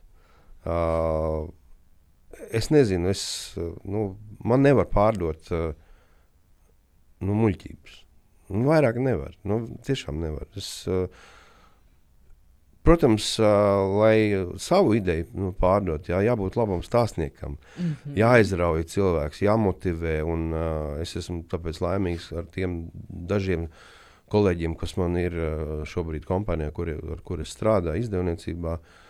Nu, viņi, nu, viņi joprojām uzklausa tās varbūt kaut kādas sapņu idejas, un viņiem šķiet, ka tās ir realizējamas. Tāpēc, ka, ja, ja, ja es esmu aizrautīgi par to stāstu, nu, tad tas notiks.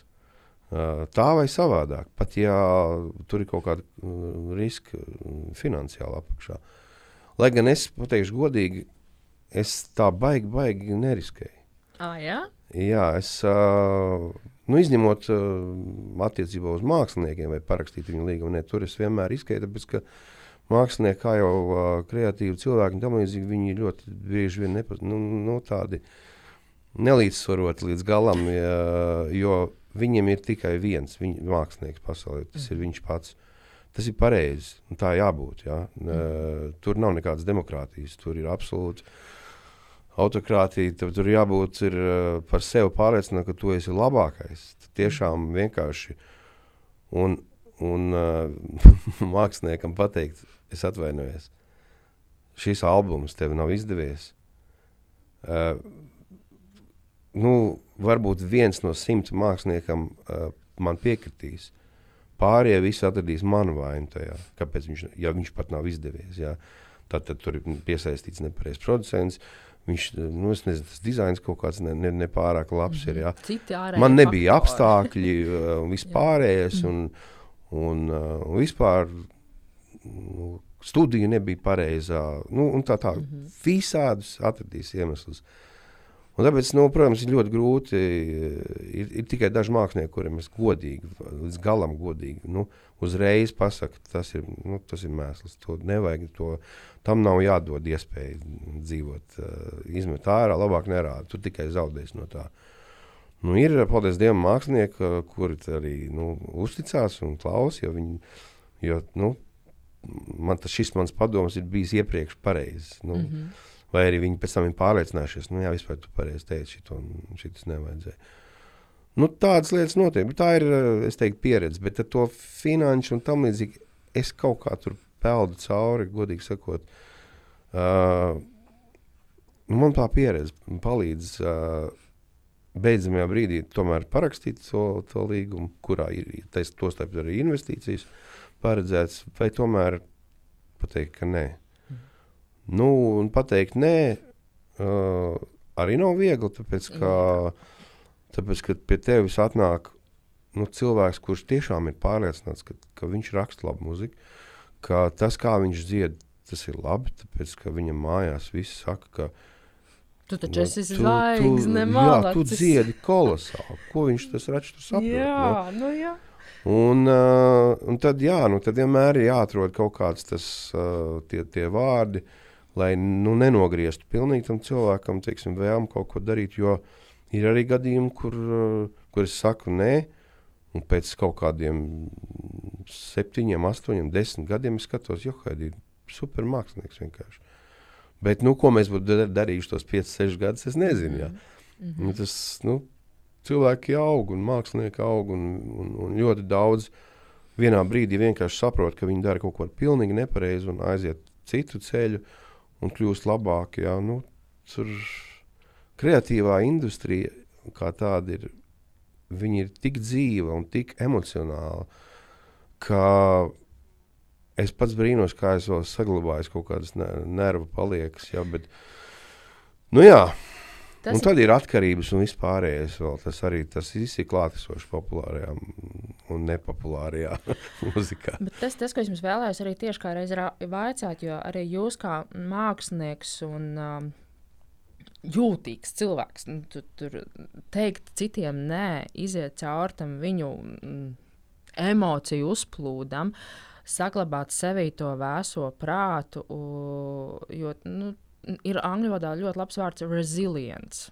Es mm -hmm. nezinu viņam labu la, latviešu valodas vārdu, bet tas ir par to resilience, kad tev ir jāsaka nē, un, un jāuzņem uz sevi tā pretreakcija, kā to neielaist sevī. Jo tā ir darba mm. garoziņa patiesībā. Nu, tā objektīvi to ņemt un saglabāt to vēso. Jā, nu, tas ir tas, tā ir tā skarbākā no lietām, jo, jo tā vai savādāk mēs izējām viens pret vienu ar, ar mākslinieku. Ja. Lielāku, mazāku, tur, cerīgāku, bezcerīgāku un tam līdzīgi, bet tas ir dzīves cilvēks, kuram, kuram patiešām ir kurš no sirds tic, ka, nu, ka viņam izdosies. Man viņam ir jāsaka nē, bet, uh, bet es vienmēr es to, to nē, neesmu nekad teicis, nu, kā es saku, nē, ej ārā. Mēs vienmēr parunājam Un es uh, pastāstu mazliet no savas pieredzes. Un, lai, nu, te ir vēl viens tāds garāks stāsts par to, ka, ka, ka nu, es esmu pateicis nē, un lai viņš noticētu, ka, nu, ka, ka es to daru savas pieredzes uh, radīts, ir mans iekšējais vēlme arī ik pa brīdim apliecināt, ka es kaut ko varu izdarīt pats. Uh, vai nu tas būtu labākais dziesmu teksts pasaulē, ko es katru reizi rakstot jaunu dziesmu, uzskatu, ka mans pienākums ir tagad apsēsties. Pat ja man tā melodija nešķiet pat labākā pasaulē, vārdi būs tie, kas palīdzēs. Kas izvilks melodiju. Un tās tas ir uh, nereizi ir noticis. Uh, droši vien ir bijis arī otrādi, kad vārdi nogremdē. Bet uh, šeit ir tas balans, ka, ka tas mans ne kādam citam māksliniekam liek man būt formā, liek sevi apliecināt ne tikai kā biznesa cilvēku, bet arī kā mākslinieku, lai, uh, nu, kā lai saka, es redzu, ka nu, man ir blakus fantastisks jau, nu, jau vairāk kā 20 gadus, tuvi vairāk. 25 gadus mēs sadarbojamies ar, ar Raimonu Pauli. Ja, es vienkārši redzu, uh, kā viņš nu, risina kaut kādas konflikta situācijas un, un tam līdzīgi. Uh, nu, it kā pilnīgi neiesaistoties. Jā. Viņam nu, par viņu. Nu, viņš izlasa kaut kādu rakstu, kur viņš teiksim, ir, ir, ir, ir, ir kur slikti vārdi vai recenzijas un viss pārējais. Ja? Un tā vietā, lai, lai ar putām uz lūpām mestos pārliecināt to, ka tu esi muļķis pats un, un kļūdies un tam līdzīgi, viņš to tādā, nu, tādā mierā pārvāra. Uh, -hmm. izdara savus secinājumus, jā, uh, kurus, uh, kuri pēc tam uh, nu, nu, varbūt izpaužas, nezinu, kādas intervijas atteikšanā vai kaut ko tādu, bet tas mm -hmm. cilvēks pat nenojauta, kāpēc, kāpēc tad, nu, viņš neiziet uz viņa to, bet viņš viņam nekad neko nepārmetīs. Uh, nu, tas tā māksla, kā lai saka, pārvarēt, nu, arī kaut kādas eh, kaitinošas apvainojumus un tam līdzīgi. Tā ir baigā māksla. Nu, nu, atceramies, kas sākās tad, kad parādījās pirmie portāli, ja, kur bija an anonīmie uh, komentāri. Un... Tur, tur, tur mākslinieki juka prātā vienkārši. Nu, viņi slimi bija izlasot desmit sliktus komentārus, ka tu esi tāds, un tu esi tāds, tu esi gejs, tu esi tas, tu esi nu, tu, nu, vispār sūds pēdējais. Un viņi bija slimi. Tiešām es redzēju, kā mākslinieki bruka kopā. Vienkārši. Viņi nevarēja normāli pastrādāt. Vajadzēja vairākus gadi, gadiem paiet, kad to sāk uztvert ar smaidu. Bieži vien eh, tie heiteri patiesībā sakot, tev izdara labu darbu. Tad, kad tu to saproti, ka viņš par tevi domā, viņš tev vairo tavu kaut kādu, vispār kaut kādu attieksmi. Viss trakākais mākslinieks par tevi neko nesaka. Mm -hmm. Un, un, un tad, tad sākās otrs. Jā, tad, ir, mhm. tad ir, es esmu ļoti daudz, un sevišķi nu, tā, nu, tā krīze iestājas. Nu, no agrākajiem superstariem, ja, kuri, kuri saprot, ka viņi krīt ārā no aprites. Viņi nevar ar to samierināties. Ja, un, Un, un tad viņi būtu laimīgi, ka kāds uzrakstītu kaut ko sliktu. Kaut sliktu jā. jā, lai būtu reakcija, lai būtu kaut kāda nu, emocija, emocija un tam līdzīga. Un, un šī konkurence starp veciem jauniem, nu, tā vienmēr pastāvējusi un pastāvēs. Un, un, uh, tā, tā ir tik normāla parādība manā, manā, manā skatījumā. Ja? Nu, tur, lai kāds jaunais teiktu, ka vecie viņiem nedod ceļu un tam līdzīgi, nu, un paņem to ceļu. Nu, jau, ko man te vēl pa, pienest uz paplātes, viņu nolikt? tad mēs bijām atkal tādā filozofiskā jautājumā par uh, mākslinieku un skatuves attiecībām. Mm, jo tas ir nu, par to skatu, tu, uh, ko tu ziedo skatuvēji, ko skatu vadot tev atpakaļ, uh, cik daudz ir traģisku dzīves pieredžu māksliniekiem, cik daudz ir vai maz teiksim, tā ļoti veiksmīgu tādu sadarbību. Tas tāds mūžs filozofisks jautājums, vai tas ir tā vērts, mm. uh, kas ir tas uh, tirgošanās vienādojums, kas tev ir jānoliek priekšā. Jā, Es nezinu, vai es tev pratīšu tā filozofiski uz to atbildēt. Man darbs ļoti praktiski arī. es, uh, nu, tur bija man jāatgriežas pie tā jautājuma, ko tu uzdevi par tavu izglītību un, un, un, un panākumiem un tam līdzīgi. Redz, es domāju, ka nu, nu tādas izcilības ja, var rasties nu, nesadalot uzmanību, nesadalot savu enerģiju, bet ļoti, ļoti, ļoti koncentrēties tomēr uz vienu lietu. Ja. Es esmu spilgts piemērs tam, kā, kā nevajag darīt. Bet es esmu ļoti veiksmīgs. Nu, es vēl neesmu atmetis cerību koncentrēties uz vienu, uz vienu lietu. Bet dzīves apstākļi ja, ir tā, ka parasti tas ir tā, ka tu to, to lietu, ko tu no sirds mīli, ja, ko tu gribi darīt, tā, nu, tā skatu, atdot sev visu tur. Nevienmēr tev sniedz arī finansiālu kompensāciju mm -hmm. ja, par to laiku. Un, un uh, it sevišķi, ja tev ir uh, nu, ģimene, ja tev ir kaut kāda jau sadzīve, kur tu, tu nu, kaut kā esi tādā rutīnā iegājis, kur, kur ir kaut kāda jāuztur. Ja, nu, tad ir tā lielā izšķiršanās, vai tu veltīji sev dzīvi pilnīgi skatuvei un saproti, ka tu nu, zaudē varbūt arī ģimeni kaut kādā mērā. Uh, to atņem nu, varbūt kaut ko ārkārtīgi svarīgu saviem apkārtējiem cilvēkiem. Neizbēgami, ja tu, ja tu ieej, teiksim, mākslā tā, ka tev māksla ir pāri visam. Nu, un, uh, tādu cilvēku, kuriem māksla pāri visam, ir maz. Mm. Un, uh, ir, ir, ir vairāk visu laiku tādi kompromisi starp to, ka tu Nu, jā, nu, kad tu spēlē izcilā orķestrī un vakarā spēlē bālīti vai, vai, vai nu, nedod Dievs uz ielas vēl kaut kur. Par to man nav nekas uh, slikts. Es pazīstu dažus ielu muzikantus, kas tīri labi dzīvo un, un, uh, un gūst arī tur panākumus. Nu, es tā vairāk kā salīdzinājumu, kad tur ir posma, ir lielā skatuve. Un, un, un, un tiešām tā ir šajā mūsu mazajā tirgā, tirgu, tu vari vienu brīdi būt uz operas skatuves, jā, noieriet to operas zāli, nospēlēt kaut kādu jubilejas koncertu. Jā. būt šo lustru spožumā un tam līdzīgi. Un nākamajā dienā tu brauc uz kādu lauku klubu, spēlē klavierus, klavieru pavadījumu nu, vietējiem vīru korim, kas arī ir forši. Protams, mēs ar Betbeku izbraucām uh, pagājušajā, nu, tad, kad varēja. Es jau tagad pazaudēju divus gadus. Esmu. Mm. Mēs apzināti uztaisījām turnīru ar 40 koncertiem vietās, kurās mēs neesam spēlējuši. Un, tic man, ja grupai ir 30 gadi, atrast vietas, kurās tu neesi spēlējis, nav nemaz tik viegli. Latvijā jo īpaši. Nu, jā, tāpēc mēs apbraukājām apkārt uh, robežai un bijām tādās mazās, mazās vietiņās, kur beig beigās sanāca gan daudz cilvēku, gan bija paši pārsteigti. Viņi ienāk, šeit mums bija estrāde. Mm. Šeit tiešām, jā, es atceros pareizi. Te taču Edgars Liepiņš uzstājās. Jā, tu saproti, kad tas ir bijis. Un tad citur tu iebrauc.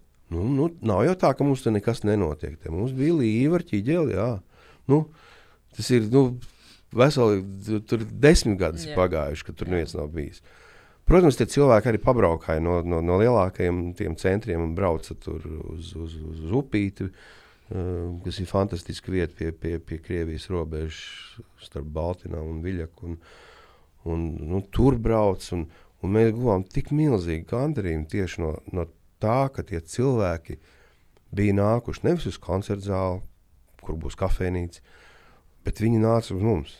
Nāca uz mūsu koncertu klausīties. Un tā ir tā milzīga atšķirība starp cilvēkiem, kas iet izklaidēties, kuriem ir vienalga, kas uzstāsies. Tāpēc, ka tur ir forša kafejnīca, ir viss. Un starp tiem cilvēkiem, kas nāk tev klausīties, ja, un, un, un kuri novērtē, ka tu esi atradies, nu, ka tu esi atbraucis pie viņiem. Mm -hmm. Jo skaidrs, ka tur tā baigi nopelnīt arī nevarēja bet tas bija, tā bija sirds lieta. Un, un teiksim tā, ka mums, mēs secinājām, ka mums ar Betbetu, kur šogad brauks pa lieliem skatuvēm, ja, mēs apzināti tā izdarījām, un, un ka šogad, ok, labi, šodien izbrauk, šoreiz izbrauksim pa lielām pilsētām, Jā. pa lielām koncertu zālēm, jo tomēr nu, ir cilvēki, kas nevar aizbraukt uz tiem laukiem. Bet nākamgad atkal braucam uz laukiem. jo Es saku, tā, tā bija labākā mūsu koncertūra, mūsu, kur mēs neesam spēlējuši. Arī mēs tostarp esam ārzemēs spēlējuši. Un, un Sopotā piedalījušies festivālā un, un, un Zviedrijā koncertējuši klubos. Un, bet, bet neviens, ne, nekas nav salīdzināms ar, ar to, to sirsnību, to foršo sajūtu. Tas ir arī, ko, par ko it kā ik pa brīdim Pauls saka, viņam, nu, viņš nelabprāt rēziknis to lielo koncertu, nu, baigais gabals, jā. Un turpat viņam piezvanīja, pasaka, tur, nu, vai jūs nevarat te pie valkas, mums ir tāds, nu, tāds, nu, mums ļoti, ļoti jūs gaida. Viņš aizbrauc. Tāpēc, ka viņam arī tas, tas atlīdzība šobrīd nav tās galvenais. Viņam ir nepieciešams, lai ir tā sajūta, ir tā pilnā zāle un tā vēlme, nu, tverti klausīties, dzirdēt tieši viņu. Uh, nu, jā, skatuve mūs savā ziņā nu, uztur pie dzīvības. Te es teiktu tā, ka tā apziņa, ka tev būs koncerti, uh, ļoti daudz ko atcer. Uh, teiksim, nu, nu es, nu es esmu spiests darīt lietas, kas man nepārāk varbūt patīk, jā. Bet uh, lai gan ļoti maz. Ja tā vispār es sāku domāt, ka es esmu diezgan izvēlīgs. Es tomēr lielākoties daru dara to, kas man kaut kādā mērā sniedz arī prieku. Tā ir. Jā. Nu, man nepatīk tās seksuālās tabulas, es pateikšu godīgi. Jā. Tāpēc, tā ir tā mazā garoziņa, kas tam mīkstam, nu, mīkstumiņam nāk. Nu, nu, nu, tā ir. Jā, jā, jā. Bet, bet nu, jā, tie sīkumi. Nu, jā. Nu, man, man, mana lielā skatuve, kur notika man vismazāk gaid, to gaidot, bija tad, kad es 2017. gadā uh, 1. janvārī izlēmu, ka es katru dienu uzrakstīšu vienu dzēju. Mm -hmm. Kāpēc es to izdarīju? Tāpēc, ka es sapratu, ka, nu, labi, ok, esmu pasēdējis televīzijas žūrijās, nu, forši televīzija, jā, tāds spēcīgs gandarījums. Tas, tas tomēr nes, es nolēmu, ka es ne, negribu vairāk to darīt. Tas ir noiets etaps. Uh, nu, labi, man ir kompānija, jā, veiksmīgi strādā, viss forši, lai gan, protams, 90. gados arī bija nobankrotējām un, un, un izbaudījām, ko tas nozīmē. Tā. Bet nu, ātri atkopām mēs un izveidojām jaunu. Uh, labi, tas ir. Nu, labi, spēlēja bungas. Jā. Visi forši grupi ir, māja, ir ģimene, viss tā līdzīgi. Bet, nu, mēģināju koncentrēt, padomāt, kas ir tā lieta. Nu, ja es varētu, ja es varētu no visas pārējās atteikties, nu, ko es gribētu darīt? Un es pārsteidzoši ātri sev atbildēju, es gribētu dzējos rakstīt. Un nevis dziesmas. Jo dziesmām eh, tu esi, nu, nu labi, izņemot tās dziesmas, ko es pats rakstu, kā arī, kā, arī melodija, tu esi visu laiku atkarīgs. Tu esi kolektīvā, tu esi atkarīgs no komponistu vēlmes, ja? Nu, otru savu līdzautoru vēlmes. Kaut te vajag, jā, tur, ā, te ir, te ir mani garā note, te vajag, ā, Bet man tur varbūt ja pēc satura prasītos šķi. Tas nav izdziedams. nu, tu maini vienu vārdu, tu samaini visu, visu teikumu, tu visu ideju maini, viss tur ir jāpārtais. Un tas ir tāds kolektīvs darbs, kur tu visu laiku esi kaut ko atkarīgs. Un beigās atnāk dzirdētājs. Un, tā bieži darīs, nu, nelaidz brīzi, ja šis vārds man pamīkst, es nedziedāšu. Aha. Grodums tāpat darīja. Jā, viņš arī jā. izmainīja kaut kādas. Jā, viņam šķiet, ka tas ir tāds vīrišķīgāks un, un cietāks. Lai gan nu, mm. es nevienmēr, pateikšu, es, es nekad viņam nepiekrītu. Bet nu, es sapratu, ok, tev jādzied, ne jau man būs jādzied. Labi, samainam. Un tad ir, nu, nu ir tādi piekasīgāki, un ir, ir, ir tādi, kur vienkārši man uzticas. Es saku, tā ir pareizi, ka tā ir labi, neko nedara, un viņi uzticas. Bet, bet tā ir, tas ir kolektīvs darbs. Un, uh, un pēc tam vēl studiju producents kaut ko izdomā. -hmm. Tad tur, mm -hmm. tad tur piedziedājumi atkārtojās, cik tur entos reizes un samainās viss tas tā nokrās, ko es biju domājis. Bet, bet, bet tad es atceros, es taču esmu rakstījis zejos, bet es rakstīju zejos pārstāju. Nu, kaut kur 92. gadā. Jā. Es rakstīju no skolas laika, no 14 gadiem nu, līdz kaut kādam 92. un tad, tad panesās. Tad man bija jāraksta dziesmu dienā. Nu, nu, ļoti liels piedāvājums. Nu, arī joprojām man ir dziesmu rinda, kuras es neesmu uzrakstījis. Un es nolēmu, nu, es taču varu saņemties, darīt beidzot kaut kādu savu sirds lietu tā līdz galam. Nu, bez mazas brīvprātības piespiedu kārtā. Un es sāku rakstīt tos zēļus. Man ārkārtīgi iepatikās pašam tā, tā sajūta, ka man nav nevienam jāprasa. Tas derēs vai nederēs. Brīvība. Jā, un es pats zem tā parakstos, ja tas der. Bet, protams, iekšējais cenzors sāk strādāt diezgan nopietni. Un bieži vien bija pūkstens puses 12 naktī, un es saprotu, ka tas ir mēsls, ko esmu uzrakstījis. Tas ir ārā metams. Es visu dienu, ko esmu lolojis, tas nav nekas. Es nevaru to publicēt tajā dienā. Nu, un tad es, kā, es nu, gāju ārā, nu, nu visu kaut ko tur, bez maz ūdeni, augstu gā, gāzes galvas, lai, lai, lai restartētos. Un man izdevās tomēr uzrakstīt dzējos, zem kuriem es arī šogad es viņus pārlasu, teiksim, uh, autoru vakaros. Es arī tagad parakstos. Mm -hmm. Tomēr viņš bija pabeigts. Mm -hmm.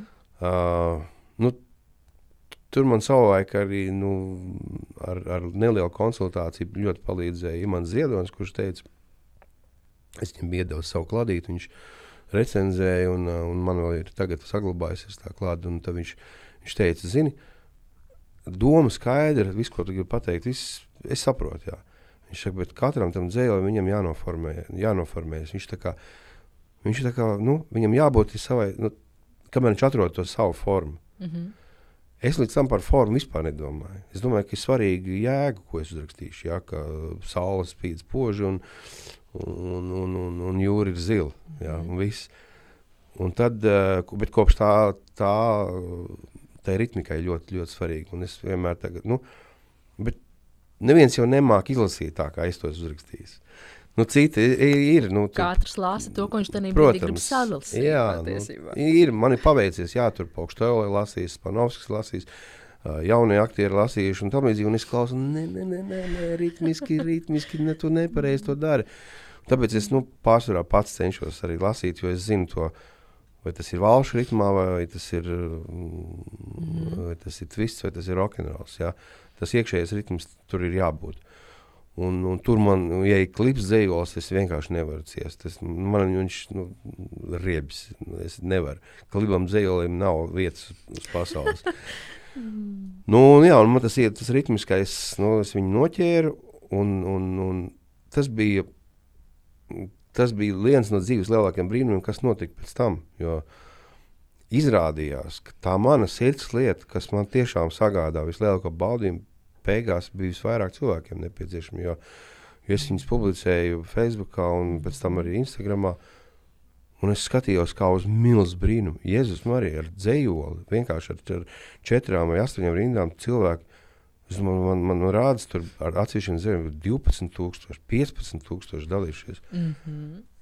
Es domāju, cik tad ir izlasījuši. Ja? Mm -hmm. Zinot, cik uh, ir grāmatas tirāžas, teiksim, dzējo, dzē, nu, jauniem dzēniekiem, tur 200, 300, tas jau ir ok, super. Es sapratu, tā, johaidī, tā ir lieta. Tā ir lieta. Ne, nopietni. no, jā. un tad nāca atgriezniskā saite, no, tas tie visi no, tie jā.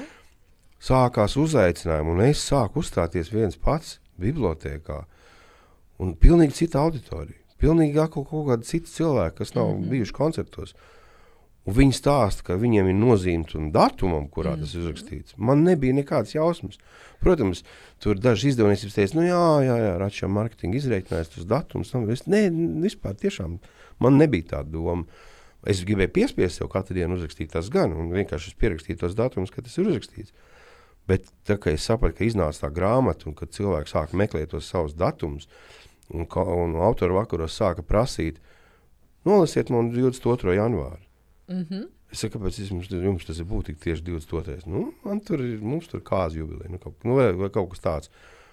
Un, un es viņam nolasu un trāpu, ja, bieži vien trāpa kaut kādā tādā, ka viņš iztulkojas uz dzējos pilnīgi savādāk. Tas cilvēks iztulko viņu pēc savas pieredzes tajā tā datuma pieredze. Man ir jāatzīstās, ka uh, gatavojot savam uh, divgadniekam uh, viņu grāmatu, arī es ieliku viņa dzimšanas dienas dzējoli, kur es izlasīju, man likās, tas ir par manējo.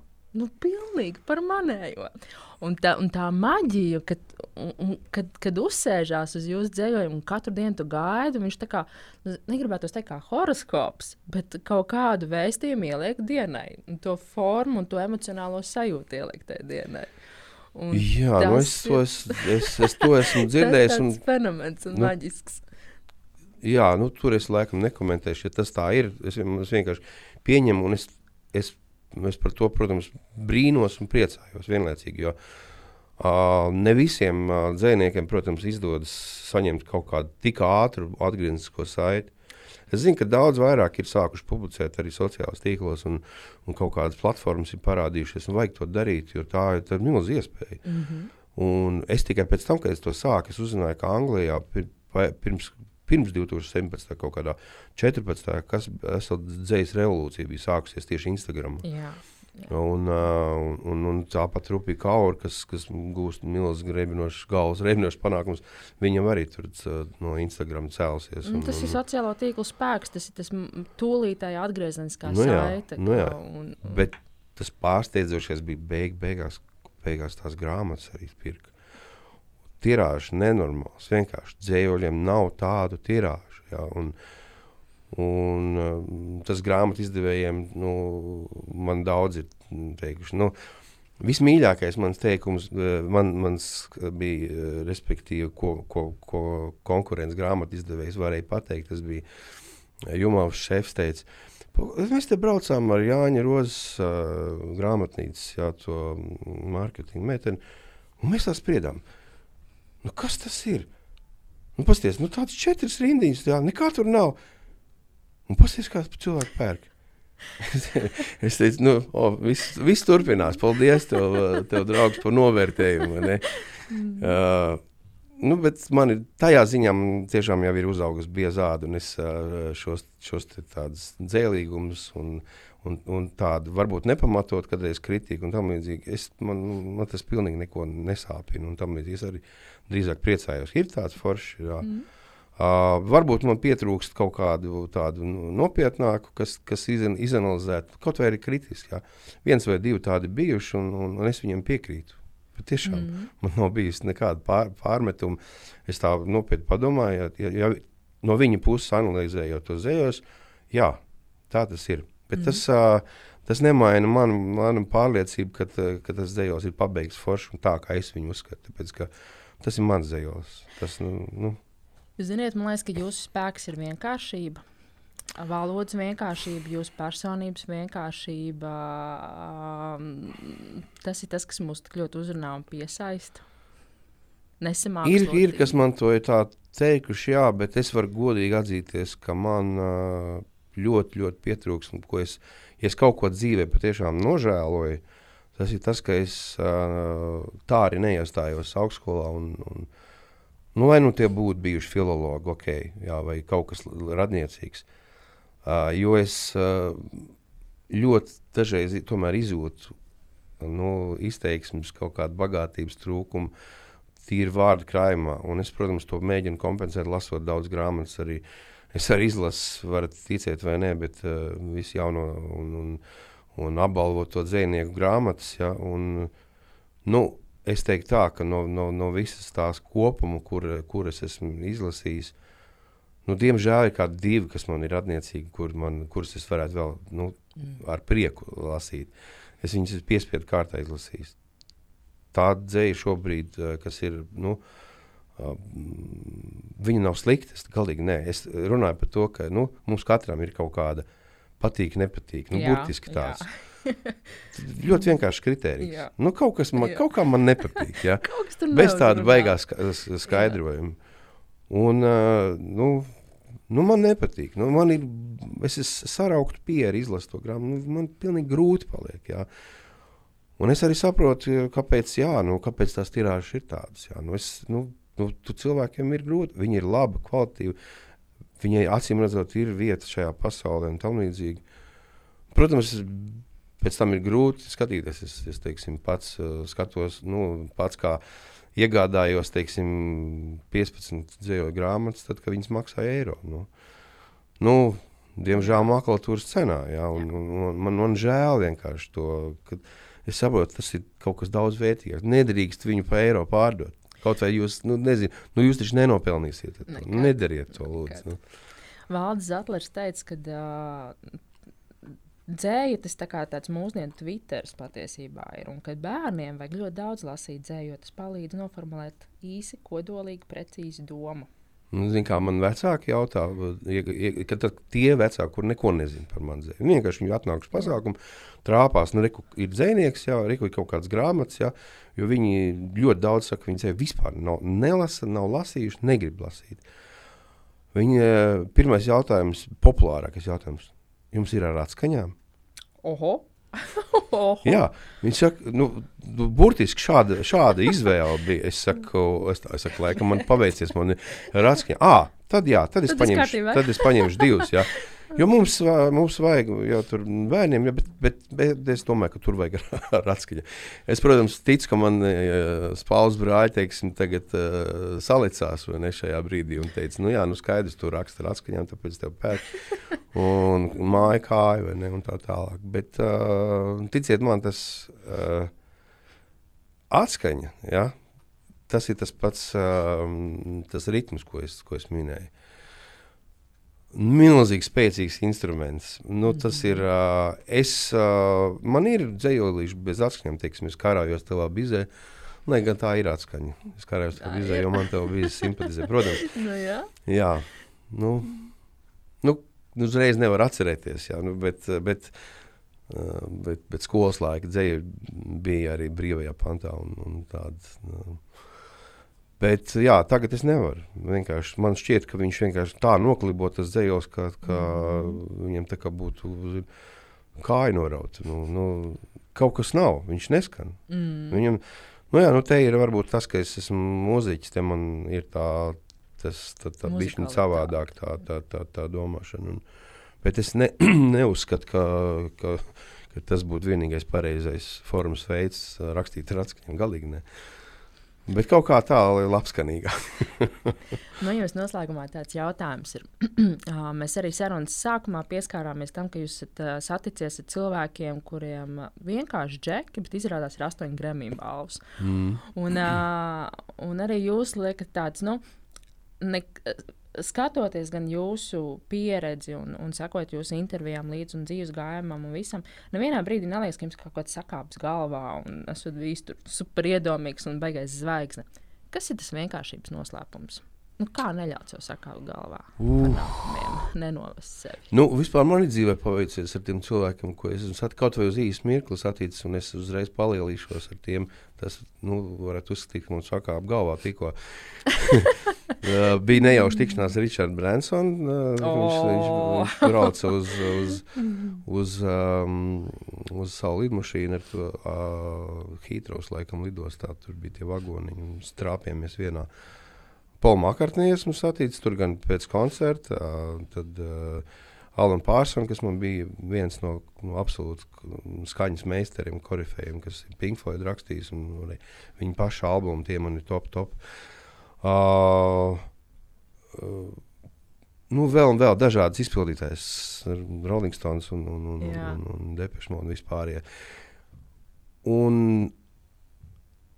es redzēju šo atšķirību starp uh, šiem lielajiem cilvēkiem, kur augumā parasti ir maziņi diezgan citi. ja runā par Rolling Stone, tas vispār ir nu, arī Depeche Mode.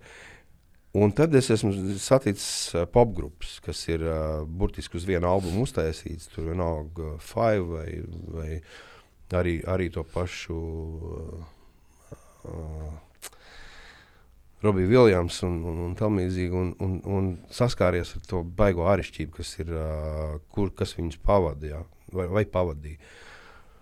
Un, un tur vienkārši izdara secinājumu, ja, ka, ka cik forši ir būt tādam, kāda bija kā ir tie džeki. Ja. Jā. Un ka, ka, tā, ka tev kaut, kā, ka kaut kāda, es nezinu, nav jau par ko iedomāties, godīgi sakot. Es jau savus dzīves mērķus neesmu piepildījis.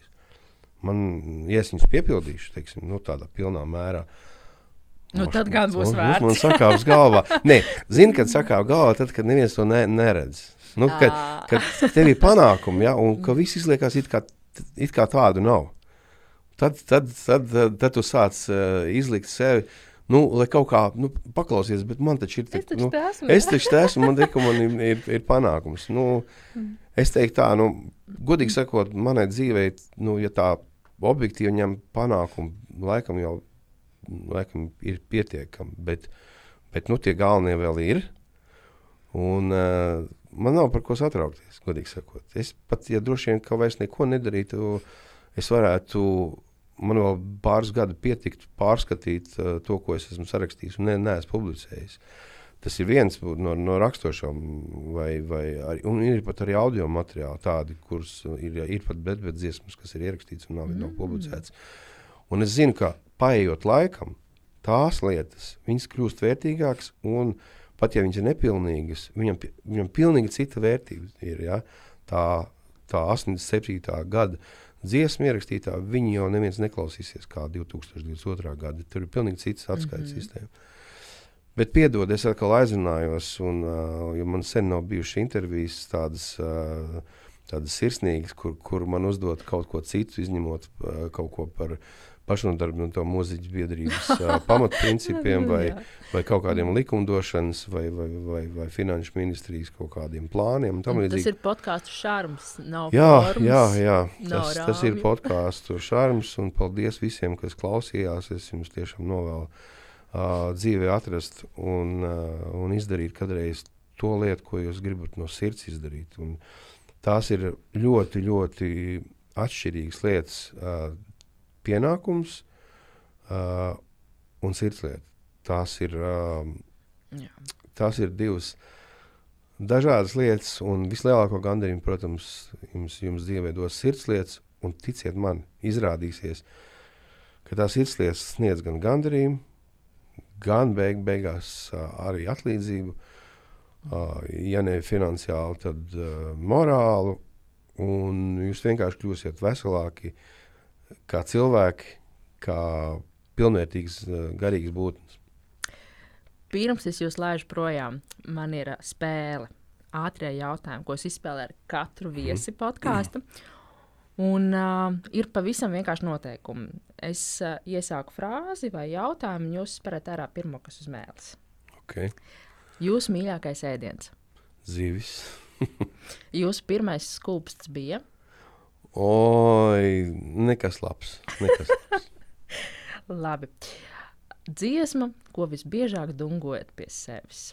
Tas noteikti ir grūts jautājums. Tā ir dziesma, kuras, pie kuras es strādāju katru reizi. Tad es viņu dungoju, nesāju sevī ilgu laiku. Jā. Lūdzu, turpiniet teikumu. Drosme ir spēks. Drosmīgākā vai varbūt trakākā lieta, ko jebkad esat darījis?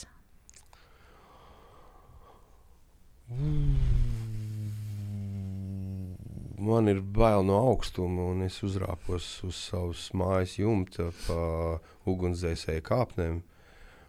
Un, uh, lai, ap, lai, lai pierādītu saviem uh, sēdes puikām, kā es to varu. Man, nu, bet es trīcēju pie visām miesām. Ai, šis vīriešu gēns. Mīļākā filma.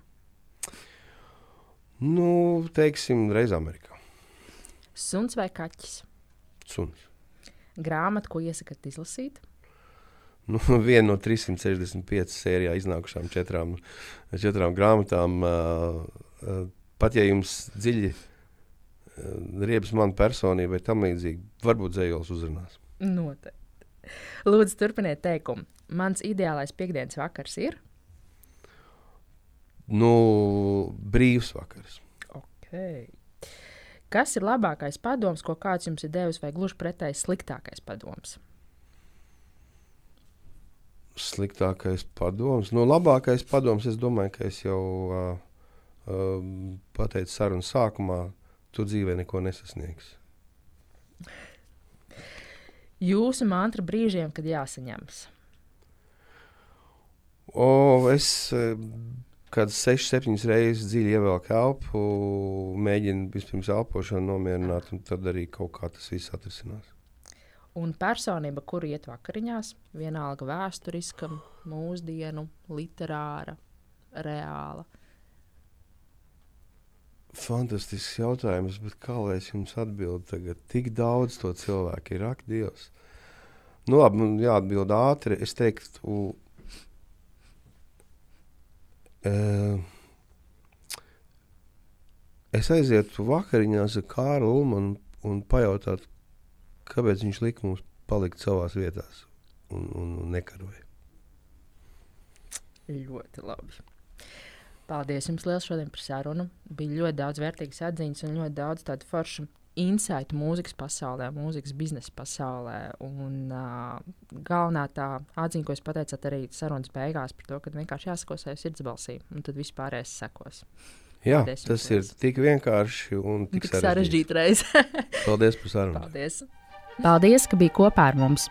Ja tev patika šodienas podkāstu saruna, lūdzu, dalies ar to savos sociālos tīklos. Savukārt, ja tev ir ideja, kuru personību tu gribētu dzirdēt kādā no nākošajām podkāstu sarunām, raksti man Instagram vai Facebook atpodkāstu Ziemeļmeita. Un kas zina, varbūt šo personību mēs nointervēsim ar tevi kopā šeit pat ierakstu studijā. Kārlis Skalbers teicis, pasaulē nav gala un debesīm nav malas. Īstā dzīve ir liela kā pasaule un augsta kā debesis. Dzīvosim īsti! Atām!